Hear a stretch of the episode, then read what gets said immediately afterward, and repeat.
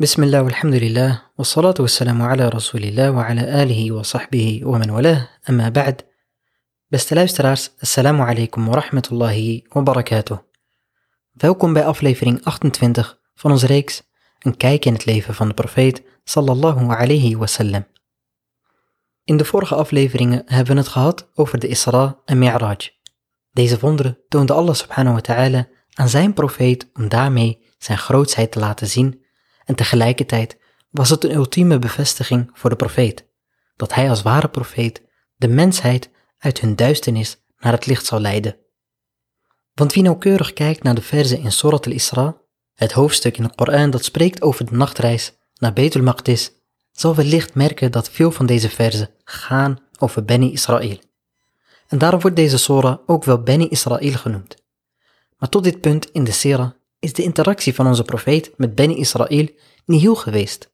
Dus wat is de achterliggende boodschap die wij hieruit kunnen begrijpen?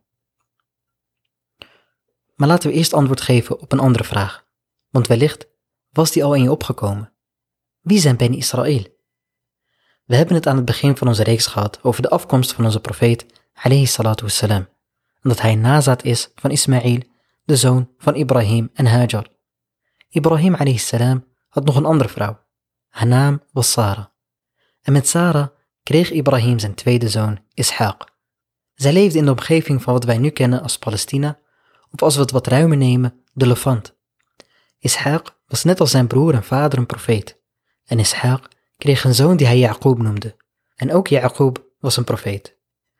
En Jacob salam was Israël. De nazaten van Jacob worden daarom Beni Israël genoemd, oftewel de kinderen van Israël. Dus alle generaties die volgden en die te herleiden waren naar Jacob, werden Beni Israël genoemd. En onder hen waren vele profeten. Denk aan Musa salam en Harun, maar ook Dawood, Suleiman, Yahya en Isa en nog vele andere profeten. Want zoals onze profeet heeft gezegd in een overlevering, Beni Israël werd geregeerd door profeten. Als een profeet verging, werd hij opgevolgd door een andere profeet. En het feit dat zij dus geregeerd werden door profeten en er steeds een nieuwe profeet tot hen werd gezonden, zorgde ervoor dat zij eeuwenlang religieus de macht hadden. De Koran staat echter vol van verzen die spreken over hoe slecht zij met deze gunsten zijn omgegaan en hoe zij hun profeten ongehoorzaam waren en hen verlogenden. Sterker nog, zij vermoorden hen. Met deze informatie in ons achterhoofd kunnen we dan misschien langzaam tot een conclusie komen. Het feit dat onze profeet naar Betel reisde, de heilige plek voor Ben Israël, en dat hij uitgerekend daar de profeten voorging in het gebed als religieus leider, laat een grote overgang zien. Het stokje werd doorgegeven. Het volk dat eeuwenlang heeft kunnen genieten van profeten, die hen steeds maar weer vermaanden en hun wonder lieten zien. Het volk dat desondanks steeds weer hun profeten verlogende, ongehoorzaam waren en tot overmaat van ramp hun heilige geschriften vervalste en shirk pleegde.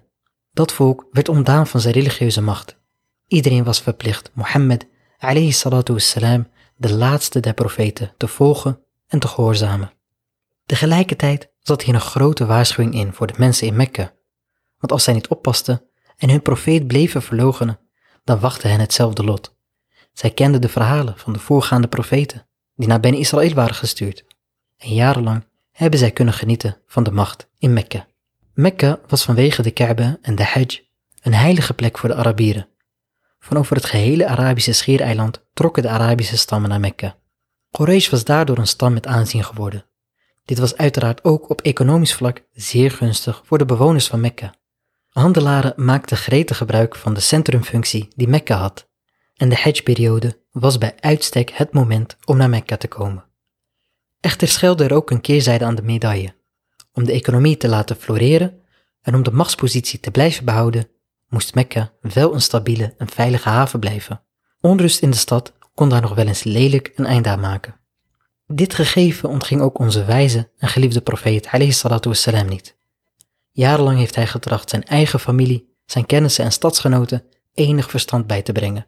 Dat de beelden die zij aanbaden hen niet baten, noch schaden. Dat hij een ware profeet was die hen slechts wilde laten inzien dat zij alleen Allah subhanahu wa ta'ala moesten aanbidden. Het was hem niet te doen om macht of status, want dat was hem al vele malen aangeboden. Maar zoals in alle voorgaande afleveringen steeds maar weer duidelijk werd, de meeste mensen moesten hier niks van weten. Niet omdat de boodschap onduidelijk voor hen was, maar uit angst en arrogantie.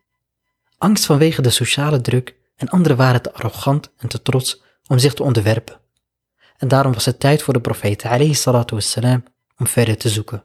De profeet wassalam, wilde de toestroom van de bedevaartgangers in zijn voordeel gebruiken. Dus toen de hajj-periode aanbrak, riep de profeet, Wie brengt mij naar zijn volk, zodat ik daar de boodschap van mijn Heer kan verkondigen? Want Quraysh verbiedt mij om het woord van mijn Heer te verspreiden. De profeet wassalam, riep zowel de individuele bedevaartgangers als de verschillende stammen op naar het geloof.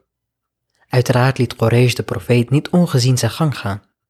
Dus alvorens deze bedevaartgangers in Mekka aankwamen, werden ze al buiten Mekka opgewacht door de bewoners van Mekka, die hen waarschuwden voor een bezeten man in de stad. Deze man zou een dichter zijn, een tovenaar, een waarzegger.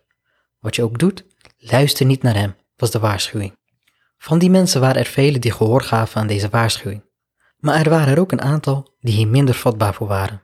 Een van hen was Dimad al-Asdi en zijn verhaal wordt vermeld door Muslim in zijn Sahih.